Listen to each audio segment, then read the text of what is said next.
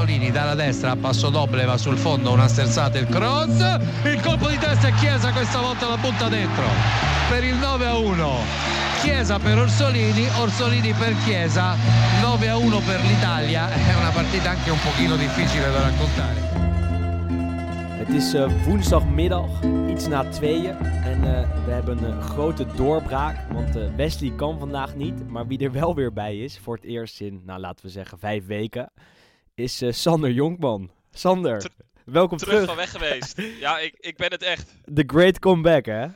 Comeback ja, kid. Ik, op de dag van dat Mario terugkeert bij Spurs vond ik het op zich ook wel een aardig moment om mij weer in uh, Stadio te mengen. Uh, nee, ja, ik kan me niet voorstellen dat, iemand mij de afgelopen vijf weken heeft gemist. maar uh, uh, erg druk geweest met de nieuwe opstart van de, van de E-divisie.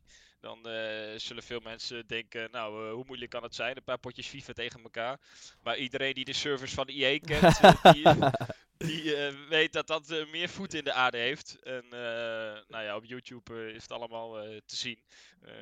ja, een beetje reclame. Een beetje reclame, tuurlijk. Hele studio erop en eraan. Dus daar heeft veel werk in gezeten. Maar het loopt. Dus we hebben weer tijd voor andere dingen. Wel een beetje Italiaans voetbal kunnen kijken de afgelopen weken ik heb het wel uh, zoveel mogelijk uh, bijgehouden natuurlijk. Uh, wel iets minder dan, dan ik van mezelf gewend ben. Maar ja, een beetje prioriteiten stellen. Maar ik heb van, ik heb van Milan alles, alles wel gezien. En de, de hoogtepunten van de grote clubs ook zeker. Dus ik, ik, ben, ik ben op de hoogte. En bij Milan waren er weinig hoogtepunten natuurlijk. Dat is een beetje dan, pijnlijk. Daar heb je in vijf weken feitelijk niks aan gemist. Nog steeds een veertiende plek. Het gaat niet zo goed. Nee. Maar uh, nog, nog steeds wel trouw elk weekend achter de televisie als ze weer uh, spelen en als ze het weer moeilijk hebben tegen welke tegenstander dan ook. Um, ja, zeker. Eh, je blijft toch kijken? Ja, terecht, terecht. Ik heb hetzelfde gedaan met Inter in de, in de donkere periode. Dan is het makkelijk om niet meer te gaan kijken. Maar als ze dan op, zoek op, op, op bezoek gingen bij Udinese, zet ik hem toch weer aan. En dan verloren ze. En dan uh, had je weer pijn aan je ogen. Kon je weer een week verder en dan verloren ze weer. Ik denk dat jij een beetje in, die, erbij, uh, in die visueuze cirkel zit met, uh, met Milan, denk ik. Um, ja, zeker. Maar laten we het vooral even niet over de Serie A hebben, maar wel eventjes over de Azzurri. Die, uh, de Italiaanse nationale ploeg had zich natuurlijk al gekwalificeerd voor het EK. Waardoor ze alle wedstrijden in Rome gaan spelen aankomende zomer. Afgelopen week speelden ze nog twee keer. en ze wonnen twee keer. Waarvan die wedstrijd tegen Armenië, de 9-1, het meest indrukwekkend was. Hè? Jij genoot van San ja, Saniolo, zag ik. Ja, absoluut. Saniolo is een weergeloze speler. Echt, uh, kijk, eh, Italië zat in een hele makkelijke groep. Uh, en uh, eigenlijk maakten ze niet heel veel indruk in die groep. Niet zo heel veel goals gemaakt. En ja, niet echt hele klinkende resultaten. En die 9-1 had uh, Italië toch wel een beetje nodig om ook aan de buitenwereld te laten zien: hey, dit Italië is echt een serieuze ploeg om, uh, om rekening mee te houden. Kijk, 9-1, dat staat gewoon, dat gaat gewoon de wereld over. En win je, win je 2-0 van uh, Griekenland of 2-1 van Finland, ja, weet je, dat wordt van je verwacht. Maar dit 9-1 en ook op de manier waarop, en echt een paar fantastische goals. Je noemt het al Sanjolo. Nou ja, sowieso zijn doelpunt was fantastisch. Hij gaf een schitterende steekpaas. Maar dat hele elftal, als je dat bij langs gaat, daar zit zoveel talent in. Laten we het even doen. Laten we even kijken naar welke spelers sowieso meegaan naar het EK. Ja, uh, leuk. Vooral bijvoorbeeld bij, op het middenveld. Daarin heb je eigenlijk zes namen die sowieso uh, in de selectie zullen zitten. Uh, even snel opnoemen. Dat zijn Barella van Inter, Zaniolo van Roma, Jorginho van Chelsea, Tonali van Brescia, Ferrati van Paris Saint-Germain en Stefano Sensi van Inter. Nou, dat zijn wel zes fantastische technische spelers. Hè? Wat, een, uh, ja, wat een creativiteit met zich meebrengt dat Italië in jaren niet heeft gehad, denk ik. Ja, en Sanjolo die, uh, ja, die schuift wat meer op naar voren. Wat meer als een beetje hangende rechtsbuiten of richting de teampositie. Maar een middenveld met Tonali, Giorgio, Barea. En dan heb je ook nog Sensi achter achter de hand. En Ferrati heb je natuurlijk ook nog. Ja, dat is niet normaal hoor. Hè? Het, is, het is het beste middenveld van Europa misschien wel. Nou ja, misschien niet overdrijven, maar het komt wel in de buurt. Maar dit komt echt in de buurt van een uh, Spaans middenveld, zeg maar met die korte paasjes continu. Ja, dat hebben deze jongens ook in zich.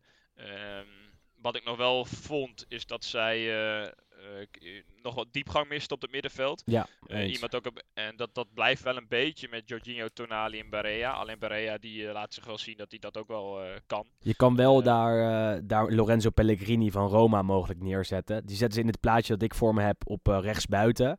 Eh, maar dat is eigenlijk gewoon een middenvelder. Zorgt voor veel assists bij Roma en ook voor heel veel diepgang. Eh, in die zin zou hij misschien nog wel voor een soort van eh, vierde man kunnen zorgen. Die vanuit het middenveld inschuift bij de aanval. En dan voor die diepte wel, die, wel voor de diepte zorgt. Ja, denk je niet dat Sanjolo dat moet zijn? Jawel, maar, maar Pellegrini is iets meer allround, denk ik, dan Zaniolo. Zaniolo toch vooral aanvallend gezien heel erg goed. En, en, laten we wel stellen, hij heeft, speelde nu leuk en is de afgelopen tijd goed bij Roma. Alleen hij is wel hartstikke wisselvallig. Het is niet een speler waarop je gedurende een, een toernooi uh, elke wedstrijd kan bouwen. Ik denk dat Lorenzo Pellegrini, um, mogelijk de, de toekomstige aanvoerder van Roma, dat wel is.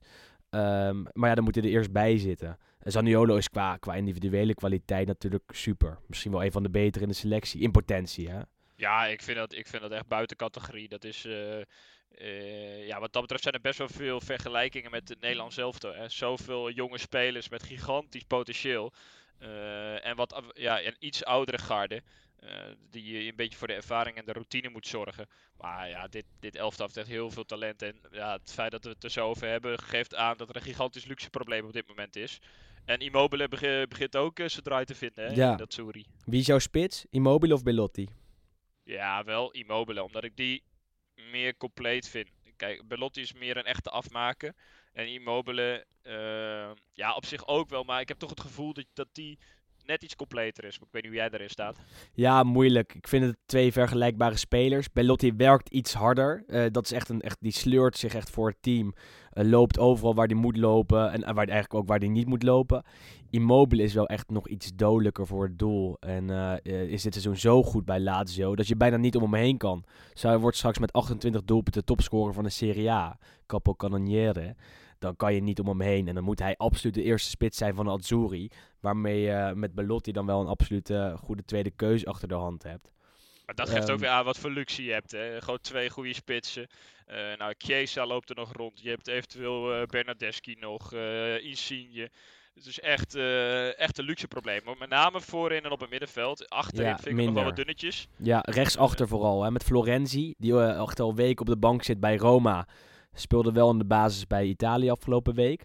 En schijnt gewoon de eerste back te blijven van, van uh, Mancini. Dat is toch best opvallend. Ja, je hebt die Lorenzo ook nog. Die zou alleen, dat is ook nog niet echt wereldtop. Florentie, ja. Ook niet. Vind, vind ik ook geen wereldtop. En ik vind linksback met, uh, vind ik eigenlijk ook nog wel een uh, aandachtspuntje. En ja, Bonucci, hij deed het tegen Armenië echt fantastisch hoor. Uh, hij had een prachtige paas ook, dat zag ik op jouw uh, Twitter. Op die van eh, Wesley volgens mij. op die van Wesley, ja, maar Dat, dat deed weer aan oude tijden denken. Alleen toch eh, ben ik, ja, heb ik altijd een beetje twijfel met, uh, met Bonucci. Daar kan je niet 100% zeker op bouwen. Maar wel echt een basisplek aankomend EK. Ja, dat, dat absoluut, zijn. dat absoluut. Maar uh, in potenties vind ik, ja, ik vind Chiellini eigenlijk beter. Maar dan moeten we nog even kijken naar Chiellini, want die is natuurlijk geblesseerd. Heeft een kruisbandblessure en ligt er eigenlijk het hele seizoen uit. Schijnt wel op tijd fit te zijn voor het EK. Maar zou je dat risico nemen en hem dan wel vol inzetten, dat, dat Europees kampioenschap? Of zet je dan als Serbi neer, de, de verdediger van Lazio? Ja, of Romagnoli, hè? kan ook. Ja, ja, kan ook. Ik vind Acerbi nog wel een stukje, uh, stukje beter, denk ik, eerlijk gezegd. Ja, nou ja, ik denk als Chiellini niet fit is, en uh, dan zullen ze er wel weer gewoon mee gaan spelen, Chiellini en Bonucci, als een soort van uh, droomduo. ja, fundament waar je op kan bouwen. Maar dat is wel grappig, hè. Kijk, in Nederland hebben we natuurlijk heel lang gehad, nou, in Nederland kan je niet verdedigen. of kunnen we niet verdedigen. En hadden, we, hadden we opeens De Licht en Van Dijk als hele goede verdedigers. Mm uh, in Italië is eigenlijk, nou, uh, de verdediging is altijd heilig.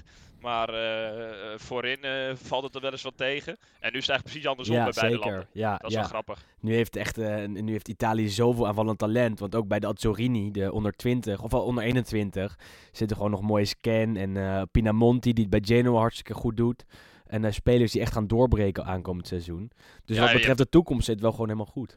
Ja, zeker. En Orsolini die speelde met het grote Italië dan, scoorde zelfs tegen Armenië. Ja, die is ook goed. Recht, de rechtsbuiten van Bologna. En die heb je dan nog achter de hand. Ja, het is echt. Uh, er, er, gaan echt wel uh, grote spelers of grote namen gaan afvallen. Omdat uh, er zoveel luxe is eigenlijk. Zeker. Heel veel keuze voor Mancini. Ik denk dat hij wel de goede namen selecteert. Want tot nu toe gaat het eigenlijk elke keer goed. Natuurlijk ook tegen makkelijke tegenstanders. En straks op het EK komen ze misschien wel in de pool des doods met uh, Frankrijk en Portugal. De hele eh, loting lijkt een beetje geautomatiseerd, maar bij Italië kan nog iedereen komen. Ja, maar wat is dat voor onzin? Ja, dat slaat toch neer. Ik, vind het ook, ik, ik begrijp er helemaal ge- geen reet meer van. Ik eh, heb een Italiaans account dat ik volg om de loting een beetje te begrijpen. Ook die van de Champions League altijd. En, en deze zegt ook, ik, begrijp er zelf bijna niks meer van. Waarna hij het wel heel erg goed, eh, goed uitlegt. Ehm, maar ja, dan nog begrijp je, begrijp je niet eh, waarom bepaalde combinaties niet mogelijk zijn. Bepaalde combinaties wel. Eh, waarom eh, eh, Nederland sowieso bij Oekraïne komt. Is dan wel volgens mij logisch omdat het een gastland betreft of zo. Ja, Maar maar ja. hoezo? Ik hoorde Koeman eh, gisteren. Ehm, ja, die vroeg zich ook af, waarom ga ik eigenlijk nog naar de loting toe straks in Boekarest? Ja. Volgens mij is die eind november. Want ze weten 30 al november. Eh, eh, dat ze tegen Oekraïne spelen. En volgens mij is de kans ook heel groot Roemenië. En er zijn zelfs rekenmeesters die Wils er ook nog bij rekenen. Ja. Ja, dan, dan, eh, Ben je klaar? Is toch al, dat is toch al bekend. Nee, maar En, Roemenië moet zich nog wel kwalificeren, hè? Die moeten nog Ja, de dat play-off spelen. ging op basis dan, omdat ze dan weer goed hebben gedaan in de Nations League, hebben ze nog weer play-offs. Nou ja, in ieder geval, het is best wel apart dat je nog gaat loten. En de meeste landen weten al waar ze aan toe zijn. Dat is best wel opmerkelijk. Ja, het slaat nergens op. Maar ja, wel, wel zeker is dat Italië in Pool A zit. Eh, de openingswedstrijd speelt op 12 juni. Eh, en dat ze nog gewoon tegen Frankrijk en Portugal kunnen komen. Ehm, als je dan iets verder kijkt, stel ze komen de pool door. Zijn ze dan een kans hebben voor de, voor de EK-titel? Nou ja, eh, zij zijn inderdaad een van de, van, de, van, de favorieten op basis van de kwalificatiepool. Met, met 30 uit 10 en het, en het doelsaldo plus 33. Ja, weet je, op de basis daarvan wel. Alleen, eh, dit is ook een elftal dat nog niet heel veel heeft meegemaakt. Er staan niet eh, jongens in die eh, de, de een na de andere titel hebben gewonnen op eh, Bonucci en mogelijk Chiellini na. Het zijn nog veel jonge spelers die zich nog wel op dit podium ook moeten bewijzen. Dus ik denk dat zij meer een, een outsider zijn dan echt een favoriet. Voor de halve Maar op- finale of zo, dacht ik. Ja, nou ja, ik, ik denk dat dat al eh, hartstikke, hartstikke goed zou zijn. Alleen Italië komt altijd maar voor één ding naar het toernooi. En dat is om, om, te winnen. Dat zou ook alweer eens tijd worden. Ja. Ehm, Maar Ja, ja, ik weet niet. ik- Ik, ik- denk dat ze, ik denk dat ze een beetje zoals Nederland, een beetje outsider zijn. Eens, eens. Ik zie het niet echt gebeuren hoor, denk ik. Daarvoor is het toch net, net niet goed genoeg. Misschien over twee jaar wel op het EK dat ze, dat ze net iets verder zijn. Dat al die middenvelders net iets meer ervaring hebben. Misschien net iets meer prijzen hebben gewonnen. Maar op dit moment zou ik eh, Italië nog niet als kanshebber eh neerzetten. En ze hebben natuurlijk met Roberto Mancini een coach die het nu uitstekend heeft neergezet. Maar wat wel een enorme angsthaas is. Hè? En meestal op Ja, belangrijke momenten. Ja, maar dan, dan gooit hij weer verdediger erbij of weet ik veel wat. Dus ik denk dat als zij straks in een, in een verder stadium van het toernooi komen, dat Mancini gewoon weer heel bangig gaat, eh, gaat handelen en heel verdedigend gaat spelen. En dat ze dat dan wel eens de, kost de kop kan gaan kosten. Eh, want de kracht van dit Italië ligt gewoon in de aanval, zoals we net hadden geze- hebben gezegd. Ja, dit Italië kan gewoon echt een van de, van de smaakmakers worden op het, eh, op het EK. Als zij eh, voetballen zoals dat de laatste tijd hebben gedaan. En inderdaad, met al die jonge, jonge spelers met, met waar die, die korte passing in zit. Ja, dan kunnen ze echt het algemene publiek echt gaan verrassen hoor, met hun manier van spelen. Dat lijkt me ook. Ehm, heel veel door. Ehm, er kwam afgelopen week een interview uit met Patrick Kluivert. Waarin die stelde dat eh Matthijs de Ligt misschien wel een beetje spijt heeft van zijn keuze voor Juventus. En eigenlijk gewoon voor eh, Barcelona had moeten kiezen. Eh, hoe kijk jij daar tegenaan? Nog één keer, dat Nou, Matthijs... Matthijs de Ligt zou spijt hebben voor zijn keuze voor Juventus. Ehm, en daar gaf hij geen redenen voor. Maar hij zei, ik denk dat als Matthijs de Ligt nog een keer had, kunnen, had, had moeten kiezen, dat hij dan misschien wel voor Barcelona had gekozen in plaats van voor Juventus. Maar Patrick Kluivert werkt toch bij Barcelona Ja, op dit moment? Ja, zeker. Die is daar hoofdjeugdopleidingen. Maar die gooide Nou, toch wat olie op het vuur. En eh, dat interview werd, werd, werd vrij wijd verspreid. Werd in Italië opgepikt en ook in Nederland. Er was een interview met, meen ik, eh, de Mundo eh, Deportivo in, in Spanje.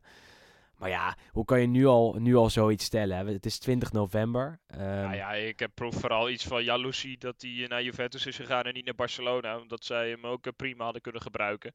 Ehm, Barcelona was een veilige keus geweest, denk ik. Omdat het wel iets meer lijkt op het spel van eh, wat Ajax wil spelen. Eh, dus voelt dan waarschijnlijk automatisch er iets vertrouwder. Hij heeft het... eh, ja, hij heeft eigenlijk een moeilijke route gekozen. Hij heeft ook een moeilijk begin gehad. Maar nu staat hij gewoon zijn mannetje. Speelt eh, mede door die blessure van Chiellini elke week. Precies, gewoon basisspeler, klaar. Gewoon baasspeler in Italië bij de club die eh, wederom kampioen gaat worden. Ehm, ja, ik denk ja, of die, hij zou er geen spijt van hebben. Waarom zou hij er spijt van hebben? Nee, dat, dacht ik ook eigenlijk. Je speelt alles, je staat eerst, je bent door in de Champions League. Hebt een uh, trainer die in principe aanvallend wil spelen, dat het nu nog niet laat zien. Maar daardoor krijg je wel veel, uh, veel aandacht op de voetballende kwaliteiten, wat hij natuurlijk allemaal heeft. Dus ik zie ook helemaal geen reden waarom de licht spijt zou hebben. Daarom vond ik het ook een vrij raar interview, wat ik heel, heel even wilde aanhalen. Nou ja, met Barcelona heeft hij nog niet de garantie dat hij kampioen wordt. Dat heeft hij met uh, Juventus exact. wel. Ja, ja, of niet hè. Nou. Inter op één puntje. We zijn er nog. Ja, we, we zitten eind november uh, ja, helaas. Nee, exact, exact. Ik, ik uh, ben ook nog steeds huiverig. En ik blijf het ook zeggen dat uh, dit Inter absoluut niet kampioen gaat worden. En dat gewoon Juventus wordt. Maar goed, dat is voor andere podcasts. Of voor, voor latere orde eigenlijk. Zeker. Ehm, eigenlijk hebben we niet superveel om te behandelen. Uh, daarom uh, op Twitter een paar keer gevraagd of mensen wat vragen voor ons hadden. Um, nou, een, een, favoriet team van de, van, onze, van de Serie A uit ons bestaan doen we denk ik vandaag nog eventjes niet. Omdat er te weinig tijd was om het voor te bereiden. Wat we wel kunnen doen is, is natuurlijk even naar jouw favoriete speler kijken. Wat is jouw favoriete speler die, die jij hebt zien spelen en die in de, in de, in de Serie A heeft gespeeld? Ehm, dan moet ik even goed nadenken. Maar ik denk dat uh, Ibrahimovic wel erg uh, in de buurt komt. Is, maar, maar dan heb ik het over Serie A. Hè. Die heb ik ook ja, wel eens ja, in, Nederland, uh, in Nederland zien spelen. Maar ook in de Serie A, ja, dat... ehm, in zijn Milan-periode of daarvoor? Ja, nee, in zijn, zijn Milan-periode. Nou, ik heb Pirlo live zien spelen, mm -hmm. Inzaghi. Ehm, daar ga ik toch voor Pirlo, als ik moet kiezen. Ja, en dat is ook omdat... vanwege zijn Ju Juve-periode, neem ik aan. Of alleen uh, vanwege zijn tijd bij Milan. Nou, gewoon omdat ik daar los van welk shirt hij eigenlijk aan had, zo gigantisch fan van was.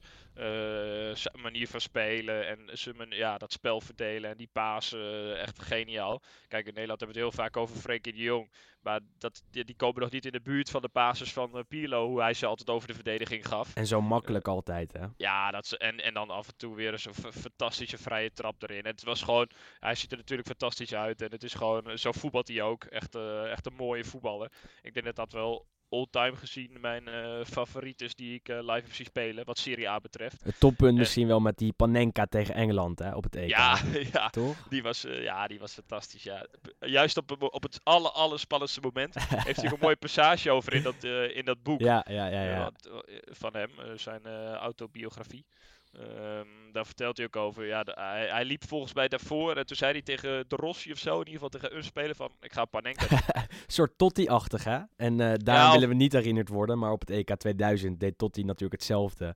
Tegen ja, Nederland in de arena. Dus, uh, ja, van, van een Nederlands perspectief vreselijk natuurlijk, maar ook dat was wel tof. Ja. Weet je, als je dat uh, durft op zo'n moment, dat is wel echt, echt bijzonder. Een mooie Cucchiaio. En heel kort daarachter wel Inzaghi hoor, omdat ik dat echt een absolute eindbaas vind. Pipo Inzaghi hebben ja, het dan over. Dat, dat juichen was altijd zo schitterend. Dat ja, uh, gewoon dat leven voor die goals, hongerig, echt altijd hongerig zijn, op het randje van buitenspel spelen, dat was echt genieten hoor. Ik moet eerlijk zeggen dat zulke soort spelers wel, wel een van de redenen uh, zijn dat ik de Serie A zo ben gaan volgen. Want op het moment dat ik voetbal begon te kijken, was dat Milan zo goed. Met Shevchenko, met Inzaghi, met Pirlo, met Seedorf, Kaká. Uh, en, en, dan blijf je natuurlijk wel eventjes hangen als dat wordt uitgezonden op televisie. Ja, um, zeker. toen ze tegen Ajax speelden in de Champions League. Toen uh, Thomasson of Inzaghi scoorde. Hadden ze ook zo'n uh, zo'n mooi team. Um, dus als ik, als ik eerlijk kleur moet bekennen, uh, moet ik wel zeggen dat Milan zoveel mooie spelers heeft gehad. Misschien wel meer dan Inter in, het, in de tijd dat ik het Italiaanse voetbal volg. Maar wie is jouw favoriet? Ja, dat, dat weet je wel, denk ik. Dat is Diego Milito. Um, die, uh, ik vind spitsen sowieso de mooiste spelers die er zijn. Als je gewoon wacht op jouw moment en misschien wel een hele slechte wedstrijd speelt en dan alsnog één of twee keer scoort. Dat vind ik altijd prachtig. Daarom vond ik Icardi ook zo'n fijne speler toen hij bij Inter speelde. Iemand die die kracht ook bezat was uh, Diego Milito. Uh, kwam natuurlijk van Genoa naar Inter. Toen keek ik Inter steeds vaker, steeds vaker. En eigenlijk altijd scoorde Milito. En uh, waaronder in, uh, in de kampioenswedstrijd in 2010, in de bekerfinale van 2010 en dus ook in de Champions League finale van 2010 uh, tegen Bayern München. Inter pakte dat seizoen de treble. Ik Inter blijven kijken, toen echt fan geworden, steeds vaker naar, nou, ja, de televisie aangezet. Ik geloof op Sport 1 nog. En op een gegeven moment wilde ik die kant een keer op om, om het echt live te zien. Eh, en dat was Inter tegen Milan in 2012. Ik geloof in, in mei. En Milan kon nog kampioen worden. Ehm, en dat was volgens mij een van de laatste speelrondes. en uiteindelijk werd het Juventus. En dat was te danken aan een 3-2 overwinning van Inter drie keer raden wie een hat maakte de eerste keer dat ik bij Inter in het stadion was. Nou, Diego nou, dat zou die gekke Diego wel ja, zijn. Ja, dus dat is wel een mooi verhaal. En toen altijd blijven volgen. Hij ik zijn kruisband geloof ik afgescheurd. En kwam, kwam hij weer terug, scoorde gelijk. En, is hij met een spits van nu te vergelijken? Ja, niet echt, moet ik eerlijk zeggen. Want hij is voetballend iets sterker dan Icardi, denk ik. Uh, Lautaro?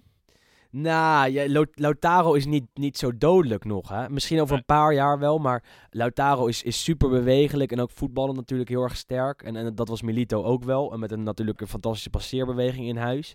Ehm, maar Milito was, was iets, um, um, iets doelgerichter dan, dan Lautaro nog, denk ik. Uh, dus Lautaro kan er komen. Die heeft natuurlijk ook een verleden bij Racing. En afgelopen week uh, was ook een interview met Diego Melito in de Gazzetta dello Sport. Waar hij aangaf dat Lautaro er absoluut gaat komen en, uh, en, en, absoluut een topper wordt. Maar ik weet niet of dat dezelfde, dezelfde soort spelers zijn. Nee, moeilijk Melito hoor. is, is, is uh, eigenlijk nog een redelijk kleine naam, zeg maar, waaruit je kan kiezen. Ik, natuurlijk, ik snap wel wat hij heeft betekend voor mm -hmm. uh, Inter en zo. Maar als je zeg maar, zijn cv kijkt, dan staan niet louter topclubs op of zo. Nee. Dus dat is wel, dat is wel het toffe van, uh, van deze keuze. Dus daar, uh, Inter is eigenlijk de grootste naam in dat rijtje. Hij is, hij is pas goed geworden bij, bij Genoa en bij Inter eigenlijk. En in, Spanje natuurlijk ook een tijdje gespeeld bij... Jeetje, bij Real Zaragoza inderdaad. Daar scoorde hij ook al wel vaak. Toen bij Genoa, volgens mij in de Serie B uh, gaan spelen. Um, en uh, ook in de Serie A, volgens mij scoorde hij toen, toen 15 plus doelpunten. Waardoor Inter hem oppikte. En tegelijkertijd kwam Thiago Motta toen over van Genoa. En in een eerste seizoen bij Inter uh, wonnen zij gelijk de treble. Met natuurlijk Wesley Sneijder als, als, als prachtige assistgever. Hè? Uh, die ja. mogen we ook niet vergeten in het rijtje. Maar ik had iets minder met hem. Uh, ook omdat dat is zo'n makkelijke. Uh, wat je zegt, het is, het is natuurlijk leuk om, om zo'n speler als favoriete speler te hebben. Omdat niet iedereen hem wekelijks bekijkt of wekelijks zegt fan van hem te zijn. Dat was bij Sneijder iets anders. Want iedereen zei: Oh, dat Sneijder is toch de grote man van, van Inter. en ik vond dat dat niet zo was. Ik vond dat Diego Molito de, de absolute topman was. Um, dus zelfs daarom... dat je naar San Siro gaat en, uh, en ze vragen, uh, nou, waar kom je vandaan? Nou, Nederland. En uh, ze beginnen altijd over de, over de drie van Milaan. Ja, Rijkaard, Gullit van Basten. Alleen, ik ben geboren in 92. Dat heb ik amper meegemaakt. Ja, op, op video's en documentaires en alles. Maar nooit echt live zien spelen. De Nederlanders die ik live heb zien spelen zijn uh, Urbi en Manuelson en Nigel de Jong en, en, en die categorie. Ja, daar, daarvoor, daarvoor ging ik niet naar het stadion. Dat, dat waren voor mij juist de Italianen. Dat vond ik juist het mooiste eigenlijk. De, de Pirlo's en de, en de Inzaki's, de Cattusso's, de Ambrosini's. Exact. Ja, daarvoor ging ik naar, naar het stadion. En dat, uh, dat is wel grappig uh, om, om, om te zien. Maar dat is voor de Italianen natuurlijk iets normaler om zulke spelers te zien. En, nee, zij, zij, vinden die buitenlanders leuk. Ja, exact. Wij als Nederlanders dan weer die Italianen leuk vinden. Ja. Zo werkt is, het nou wel een beetje. Het contrast. En, en als je dan nu een favoriete speler van Milan moet aanwijzen? Zo, van dit Milan. Ja, nou, moeilijk ja, hè? Serieus, voor dit Milan zou ik echt voor voor niemand de seizoenskaart nemen. Donnarumma misschien, en dat is misschien wel het pijnlijkste. Ja, maar Donnarumma die verdient 6,5 miljoen per jaar. Dat ja. kan ik ook niet serieus nemen. Nee, dat mag ook wel. Nee, voor dit Milan hoef je in dat opzicht echt niet de tv uit te zetten. En er is ook niet, ja, pak het daar misschien. Maar daar zie ik ook te weinig van. Nee, dit Milan, dit Inter is veel mooier dan dit Milan. En uh, eigenlijk alle leuke spelers, die spelen aan de andere kant. Het is wel heel pijnlijk, maar het is wel zo. Ja. Uh, we hebben het uh, voor zijn transfer al vaak over Sensi gehad. Nou, ik, ik had een moord gedaan om hem bij Milan te zien spelen. En hij speelt nu de pannen van het dak bij Inter. Uh, nou, Lautaro is ook een speler waar ik echt intens van kan genieten. Die speelt ook bij Inter. Mm -hmm. Ja, die, ze spelen allemaal niet bij Milan. Ik geniet meer van de spelers van de andere clubs dan, dan die in het rood-zwart. Ja, je, je, noemt ook wel direct de twee spelers die mijn favorieten zijn hoor, bij Inter op dit moment. Um, ja. Lautaro net al even genoemd. Sensi, wat, wat, wat betreft techniek en, en die paasjes en weet ik wat allemaal. Uh, dus wat dat betreft mag ik dit seizoen heel erg genieten. Uh, maar laten we niet te vroeg juichen. Hè? Want het, het, kan allemaal nog instorten. Dat hebben we in Dortmund wel gezien. Hè? Want daar was jij natuurlijk ook gewoon bij. Ja, zeker. Het kan zo over zijn. Maar ook daar, joh. Dan, uh, ik kreeg op uh, Twitter een paar reacties van... ja, wat verrader. Ga je bij Inter kijken? nou ja, ik, ja, heb het snel gaan. ik heb het snel genegeerd. Maar als je zo'n Lau- Lautaro bezig ziet en je ziet hem zo'n goal maken, dat is Oh. wel genieten hoor. Ja, En zeker. dan maakt het me weinig uit wat voor shirt eh, die man aan heeft. Kan je genieten van, je, van, zijn juichen, van eh, jouw juichende buurman? Ja, zeker. Al was dat na 90 minuten net iets anders. Maar, Maar ja, ook- helaas. Maar ook als je dan, eh zoals Sanjolo ook, ja, die speelt bij Roma. Nou ja, dat, is, dat, dat zijn wel spelers waarvoor je echt de tv aanzet. Zeker, dat doe ik ook hoor. Genoeg Nou, spelers sorry. in de Serie A om de televisie voor aan te zetten. Zelfs Ribéry bij Fiorentina bijvoorbeeld. Ja, of uh, zeker Kulusevski bij Parma. eh, genoeg spelers bij Napoli, et cetera. Zeker. Maar genoeg le- le- leuk om, eh, om dat heel eventjes te behandelen. In een eh, week dat er toch niet heel veel te bespreken is. Eh, laten we wel even vooruitkijken naar aankomend weekend. Ja. Want eh, dan zijn er wel een paar hele, hele, hele mooie wedstrijden in de Serie A. Eigenlijk allemaal op zaterdag helaas. Ehm drie uur Atalanta-Juve. Zes uur Milan-Napoli. Kwart voor negen Torino-Inter. Kijk jij natuurlijk het meeste uit naar Milan en Napoli, hè? Nou, eh, ik weet niet precies in welk opzicht. Eh, ja, op, op basis van het affiche. Maar ik vrees met grote vrezen dat eh, Milan ook deze gaat verliezen. En dan wordt het wel echt penibel hoor. Hè? Want je staat 14 en 4 punten Ja. boven de streep. Maar je komt er Ehm. wel. Uiteindelijk ga je niet degraderen. Dat kan, dat kan helemaal niet. Nee, nee, dat zeiden we ook van FC Twente. ja, dat is waar. Ja, Dus eh, nee, natuurlijk, dat, daar ga ik ook absoluut niet van uit. Alleen, eh, het is al diep triest dat je in deze situatie komt. Ehm, dat eigenlijk eh, eind november en het seizoen is alweer klaar. Dat is wel pijnlijk natuurlijk.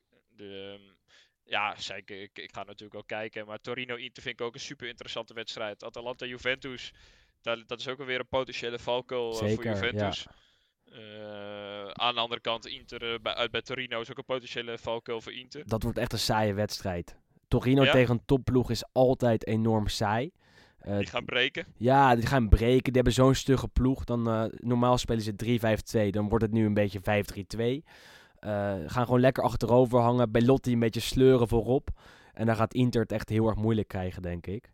Eh, wat dat betreft, voor het, voor het voetballende gedeelte kan je beter naar die andere twee wedstrijden kijken. Atalanta natuurlijk superleuk. Juve niet zo. Eh, maar Milan-Napoli kan in principe een, een hele mooie open wedstrijd zijn. Want ook bij Napoli gaat het natuurlijk niet goed, hè? Dat moet je ook Nee, niet nee, vergeten. zeker niet. Zeker niet. Er zijn wel twee ploegen. eh, Daar gaat er in ieder geval niemand eh, de, de wedstrijd van afbreken. Die gaan gewoon ballen en dan zien ze wel wat schipstrand. Want ja, ze zitten ook niet echt in de situatie om te gaan verdedigen. Ik denk dat dat wel echt een leuk potje kan worden. Alleen wat ik zei, hoeft niet per se voor de, voor de Milan-fan ook leuk te zijn. Er zullen wel heel veel Napolitanen in de thuisvakken zitten. Dat is Ja. altijd zo in San Siro als Inter tegen Napoli speelt of Milan tegen Napoli. Er zijn natuurlijk superveel Napolitanen vanuit het zuiden verhuisd naar, naar Milaan decennia terug. En die kunnen nu eh, hun ploeg van dichtbij zien in, eh, in Milaan. En dan juichen ze altijd te keihard als eh, Napoli scoort. Daar kan het wel Ja. op de thuisvakken. ja, terecht ook. Maar eh, het is wel op zich apart dat ze alles op zaterdag hebben gepland. Zo, Champions met, eh, League hè, volgende week. Met precies, met de Europese verplichtingen te maken hebben. Maar wel, eh, wel zonde, want daardoor blijft er een wat mager programma over op de zondag. op zondag is er eigenlijk niks. Ehm, als je even kijkt, Roma Brescia of Sassuolo Lazio is dan misschien nog wel aardig om te zien. Maar je gaat op zondagavond om kwart voor negen niet klaarzitten voor Lecce tegen Cagliari. Laten we dat vooropstellen. Ja, er zijn ook dagen dat ik die oversla. Ja, en maandagavond Spal tegen Genoa. ja, pijn aan de ogen. dat zijn wel krakertjes Dat hoor. kan je, kan je niet aanzien hoor. Hey, en eh, nog heel eventjes eh, het allerlaatste wat we bespreken voor de column van Juriaan, die eh, ook deze week weer hartstikke mooi is. Ehm, we zagen natuurlijk ook racisme in, eh, in de eerste divisie in, eh, in Nederland dit weekend. Ja, we dachten eh, dat het eigenlijk alleen in Italië gebeurde.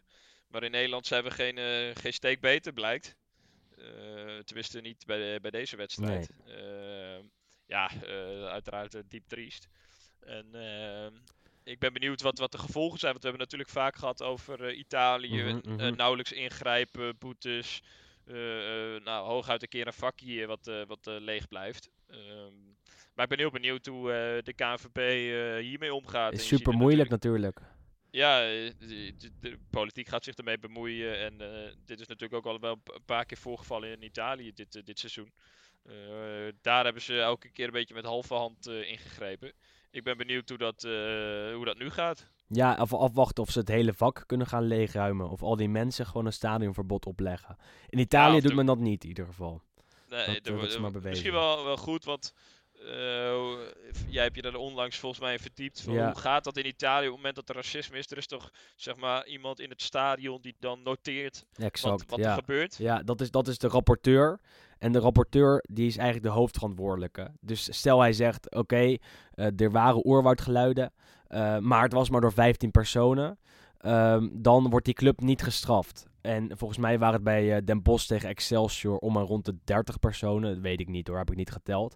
Ehm, maar in Italië zou dan men zeggen, ja, dit was maar een heel klein gedeelte van het stadion, een heel klein gedeelte van de capaciteit. Dus we zullen ze een boete geven van 10.000 euro. Ehm, en dan is de kous af. En in Nederland verwacht ik wel dat, dat men iets harder ingrijpt. En eh, gewoon die mensen stadionverbod geeft. En, eh, en ze wegschepend. Ehm, Nou, in Italië wordt heel vaak gezegd, en dat hoorde ik ook wel in Nederland een beetje met de reacties hier en daar, vanuit de KVB, van ja, er is een protocol. ja, Maar, exact. Ja. eh, hoe, hoe strikt is dat protocol? En hoe, in hoeverre kan je van het protocol afwijken?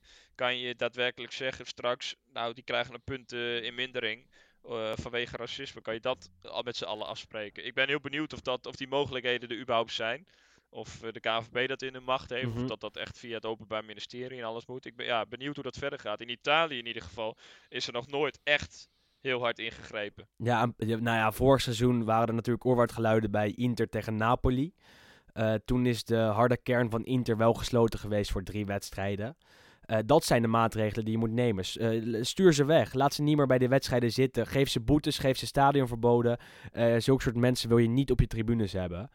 Ehm, en, en dat moeten ze vaker doen. Want vaak zijn die maatregelen, en ook dit seizoen weer, gewoon heel erg halfslachtig. Worden die, die mensen die het hebben gedaan, die die geluiden hebben gemaakt, of die die, die signalen hebben gegeven, worden niet persoonlijk aangepakt. En daardoor keert het telkens weer terug. Ehm, dus pak ze nou een keer persoonlijk aan. En ook in Nederland. Ik denk dat in Nederland iets makkelijker is. Dat het pro- protocol iets eh, eh, makkelijker stadionverboden kan, eh, kan uitdelen dan in, in Italië. Ehm, maar ik ben benieuwd. Het is wel nu de taak aan de KNVB om te laten zien dat het geen bananenrepubliek is, zoals in Italië. Want daar doet men gewoon echt helemaal niks aan, tegen dat, racisme. Het is Nee, gewoon en- een, en- een gemiddelde van 17 eh, incidenten per seizoen in de Serie A. Ja, dat is een Ja, dat gigantisch dat, aantal. Dat is, dat is gigantisch. En eh, dat is wel, zeg maar, nu al de winst eh, vanuit Nederland gezien. Ehm, ah, eh, Italië zou gewoon naar Nederland moeten kijken van, hé, hey, daar stappen ze wel het veld af. Helaas komen ze wel weer terug. Dus dat maakt het statement al weer iets minder. Maar daar gaan ze in ieder geval van het veld af. Dat is in Italië ook nog niet gebeurd. Daar kreeg zelfs Balotelli geel toen hij van het veld wilde lopen Wordt hij tegengehouden, tegengehouden ja. door zijn teamgenoten. Dus ja, dat is wel een verschil tussen eh, hoe in Nederland ermee om werd gegaan en, en, en in Italië. Het zit ook in de Dus, eh, cultuur. ja, laat het in, in zeker, Italië is laat het in Ita- dat opzicht dan ook ja, een leerschool zijn. In Italië is het veel meer een, eh, een, een- zit het racisme veel meer nog ingebakerd in de cultuur dan in Nederland. Ehm, maar ja, in Nederland is dat natuurlijk ook wel een beetje het geval. Gaan we het niet over zwarte pieten discussie hebben, want dat, dat is niet Laten deze we dat podcast. alsjeblieft niet ja, die, die ontloop ik ook heel erg graag. Ehm, wat ik niet heel graag ontloop is, eh, zijn de dienstmededelingen. Luister namelijk ook eh, vooral even naar de andere podcasts van eh, FC Afkikken. Geef ons ook even vijf sterren op iTunes. Die kunnen we gebruiken. Scoren Mogen we er ook veel luisteraars mee. Nou ja, het liefst vijf, toch? Ja, liefst wel, ja. Maar misschien vond iemand het geen reet aan. ja, dan geven we er eh, één. Ja. Ja, Ja. Maar dan had hij hem al uitgezet, denk ik. Na Oh een ja, half dat uur. is ook wel zo. Ehm, en, en, en daar kreeg ik wel een paar stopwoordjes door ook. Zag ik in de comments daar.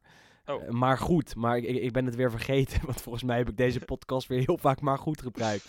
Dus Oh. eh, wat dat betreft is het een harde leerschool. Ehm, wie daar veel beter in is en wie veel meer ervaring heeft en veel meer mooie verhalen kan vertellen dan wij, is Juriaan van Wessem. Ook deze week heeft hij weer een mooie column als, eh, als afsluiter van de podcast. Sander, ben je de volgende keer weer? Ik, eh, ik ga er wel vanuit, ja. En eh, ik heb onwijs veel zin dat de Serie A weer gaat beginnen. Ik ook. Want dat landenvoetbal allemaal leuk en aardig. Maar dat is straks heel leuk op een eindtoernooi. Maar, en een 9-1 tegen Armenië trek ik ook nog net. maar een potje tegen Bosnië en weet ik veel wat. Griekenland. Tegen Finland, Griekenland. Het, dat boeit echt helemaal niemand. Zeker niet als de loting ook al bijna bekend is. Daar zijn we gewoon- vanaf. We skippen hem straks naar juni. Niet die, oefenpotjes. Gewoon lekker dat EK spelen. En dan gaan we zien waar het, het schip strandt voor Italië. Daar ben ik, Ik het hoop mee ver. En dan is Milan niet eh, gedegradeerd tegen die tijd. Nee, En is Inter niet. Uh, dan, weet ik, dan weet ik zeker dat het gat tussen Milan en Inter kleiner is dan dat hij nu is. Hoop ik. We gaan het zien. Oké, tot volgende week. En luister vooral nog even naar de column van uh, Juriaan van Wessen. Deze week is het 30 jaar geleden dat het Italiaanse voetbal werd opgeschrikt door de dood van Dennis Bergamini. Eigenlijk Donato Bergamini. Het nieuws bereikte de redactie van La Gazzetta dello Sport op een vooravond van de Milanese derby. Ik zal het moment nooit vergeten. Een profvoetballer die dood wordt gevonden langs een tweebaansweg in het diepe zuiden van de Laars. Het verhaal maakte meteen indruk op me. Zelfmoord was de eerste lezing. Maar waarom pleegt iemand zelfmoord? Eigenlijk was er ook meteen het gevoel dat zijn dood iets met La Malavita te maken had. Maar het is veel lastiger om dat te bewijzen. Bergamini was een flegmatieke aanvallende middenvelder die al vier jaar speelde bij Cosenza. Een eh, sleeping giant in het Zuid-Italiaanse voetbal dat toen nog meer dan nu verstoken was van de Serie A. Hij was geliefd en ook nog eens een mooie jongen die op zijn niveau opviel vanwege zijn rushes en voorzetten. Een club in Calabrië op een dag rijden van Milaan. Dat was toch wel een bijzonder verhaal. Hij werd gevonden langs een provinciale weg op de afslag met de romantische naam Roseto Capo Spulico. Hij was in de namiddag van een competitiewedstrijd uh, tijdens een siesta vertrokken buiten medeweten van zijn coach om iets in de privésfeer te regelen en werd een paar uur later levenloos aangetroffen op een troosteloze zaterdag. Hij was aangereden door een vrachtwagen die hem vanwege de invallende duisternis niet meer kon ontwijken. Zelfmoord, zo luidden de eerste berichten. Maar waarom pleegt een voetballer zelfmoord? Die vraag hield me bezig op de perstribune tijdens een overigens bijzondere Inter Milan. De volgende dag spelde ik alle kranten over de affaire en ik maakte zelf een berichtje voor mijn Nederlandse opdrachtgever. Maar ik zou Bergamini nooit vergeten, want de kwestie bleef me bezighouden. Jaren bleef de stelling gehandhaafd dat Bergamini zelfmoord had gepleegd, maar zijn zus wilde daar niets van weten. De ex-vriendin van Dennis twijfelde nooit aan zelfmoord. En toch kwamen er barsten in de theorie. Carlo Petrini schreef rond de eeuwwisseling, zo'n 12 jaar dus na het ongeval, een boek over de kwestie waarbij hij duidelijk maakte dat er geen sprake van zelfmoord kon zijn. Ook zijn oud-ploeggenoot Michele Padovano, die met Juve nog de Champions League had gewonnen, deelde die mening en lichtte een puntje van de sluier op. Er kwamen meer verhalen los. Bergamini zou zijn vermoord door de lokale maffia. Steeds meer mensen begonnen zich te bemoeien met de kwestie en het dossier werd heropend. Een nieuwe autopsie liet weten dat uh, hij door verstikking was omgekomen en dat zijn uh, dode lichaam daarna door een vrachtwagen was aangereden. De chauffeur zou medeplichtig zijn om een zelfmoord voor te wenden. Drie schuldigen moeten nog altijd voor de rechter verschijnen, maar na 30 jaar rust Dennis Bergamini nog altijd niet in vrede, want er is nog steeds geen justitia per Denis.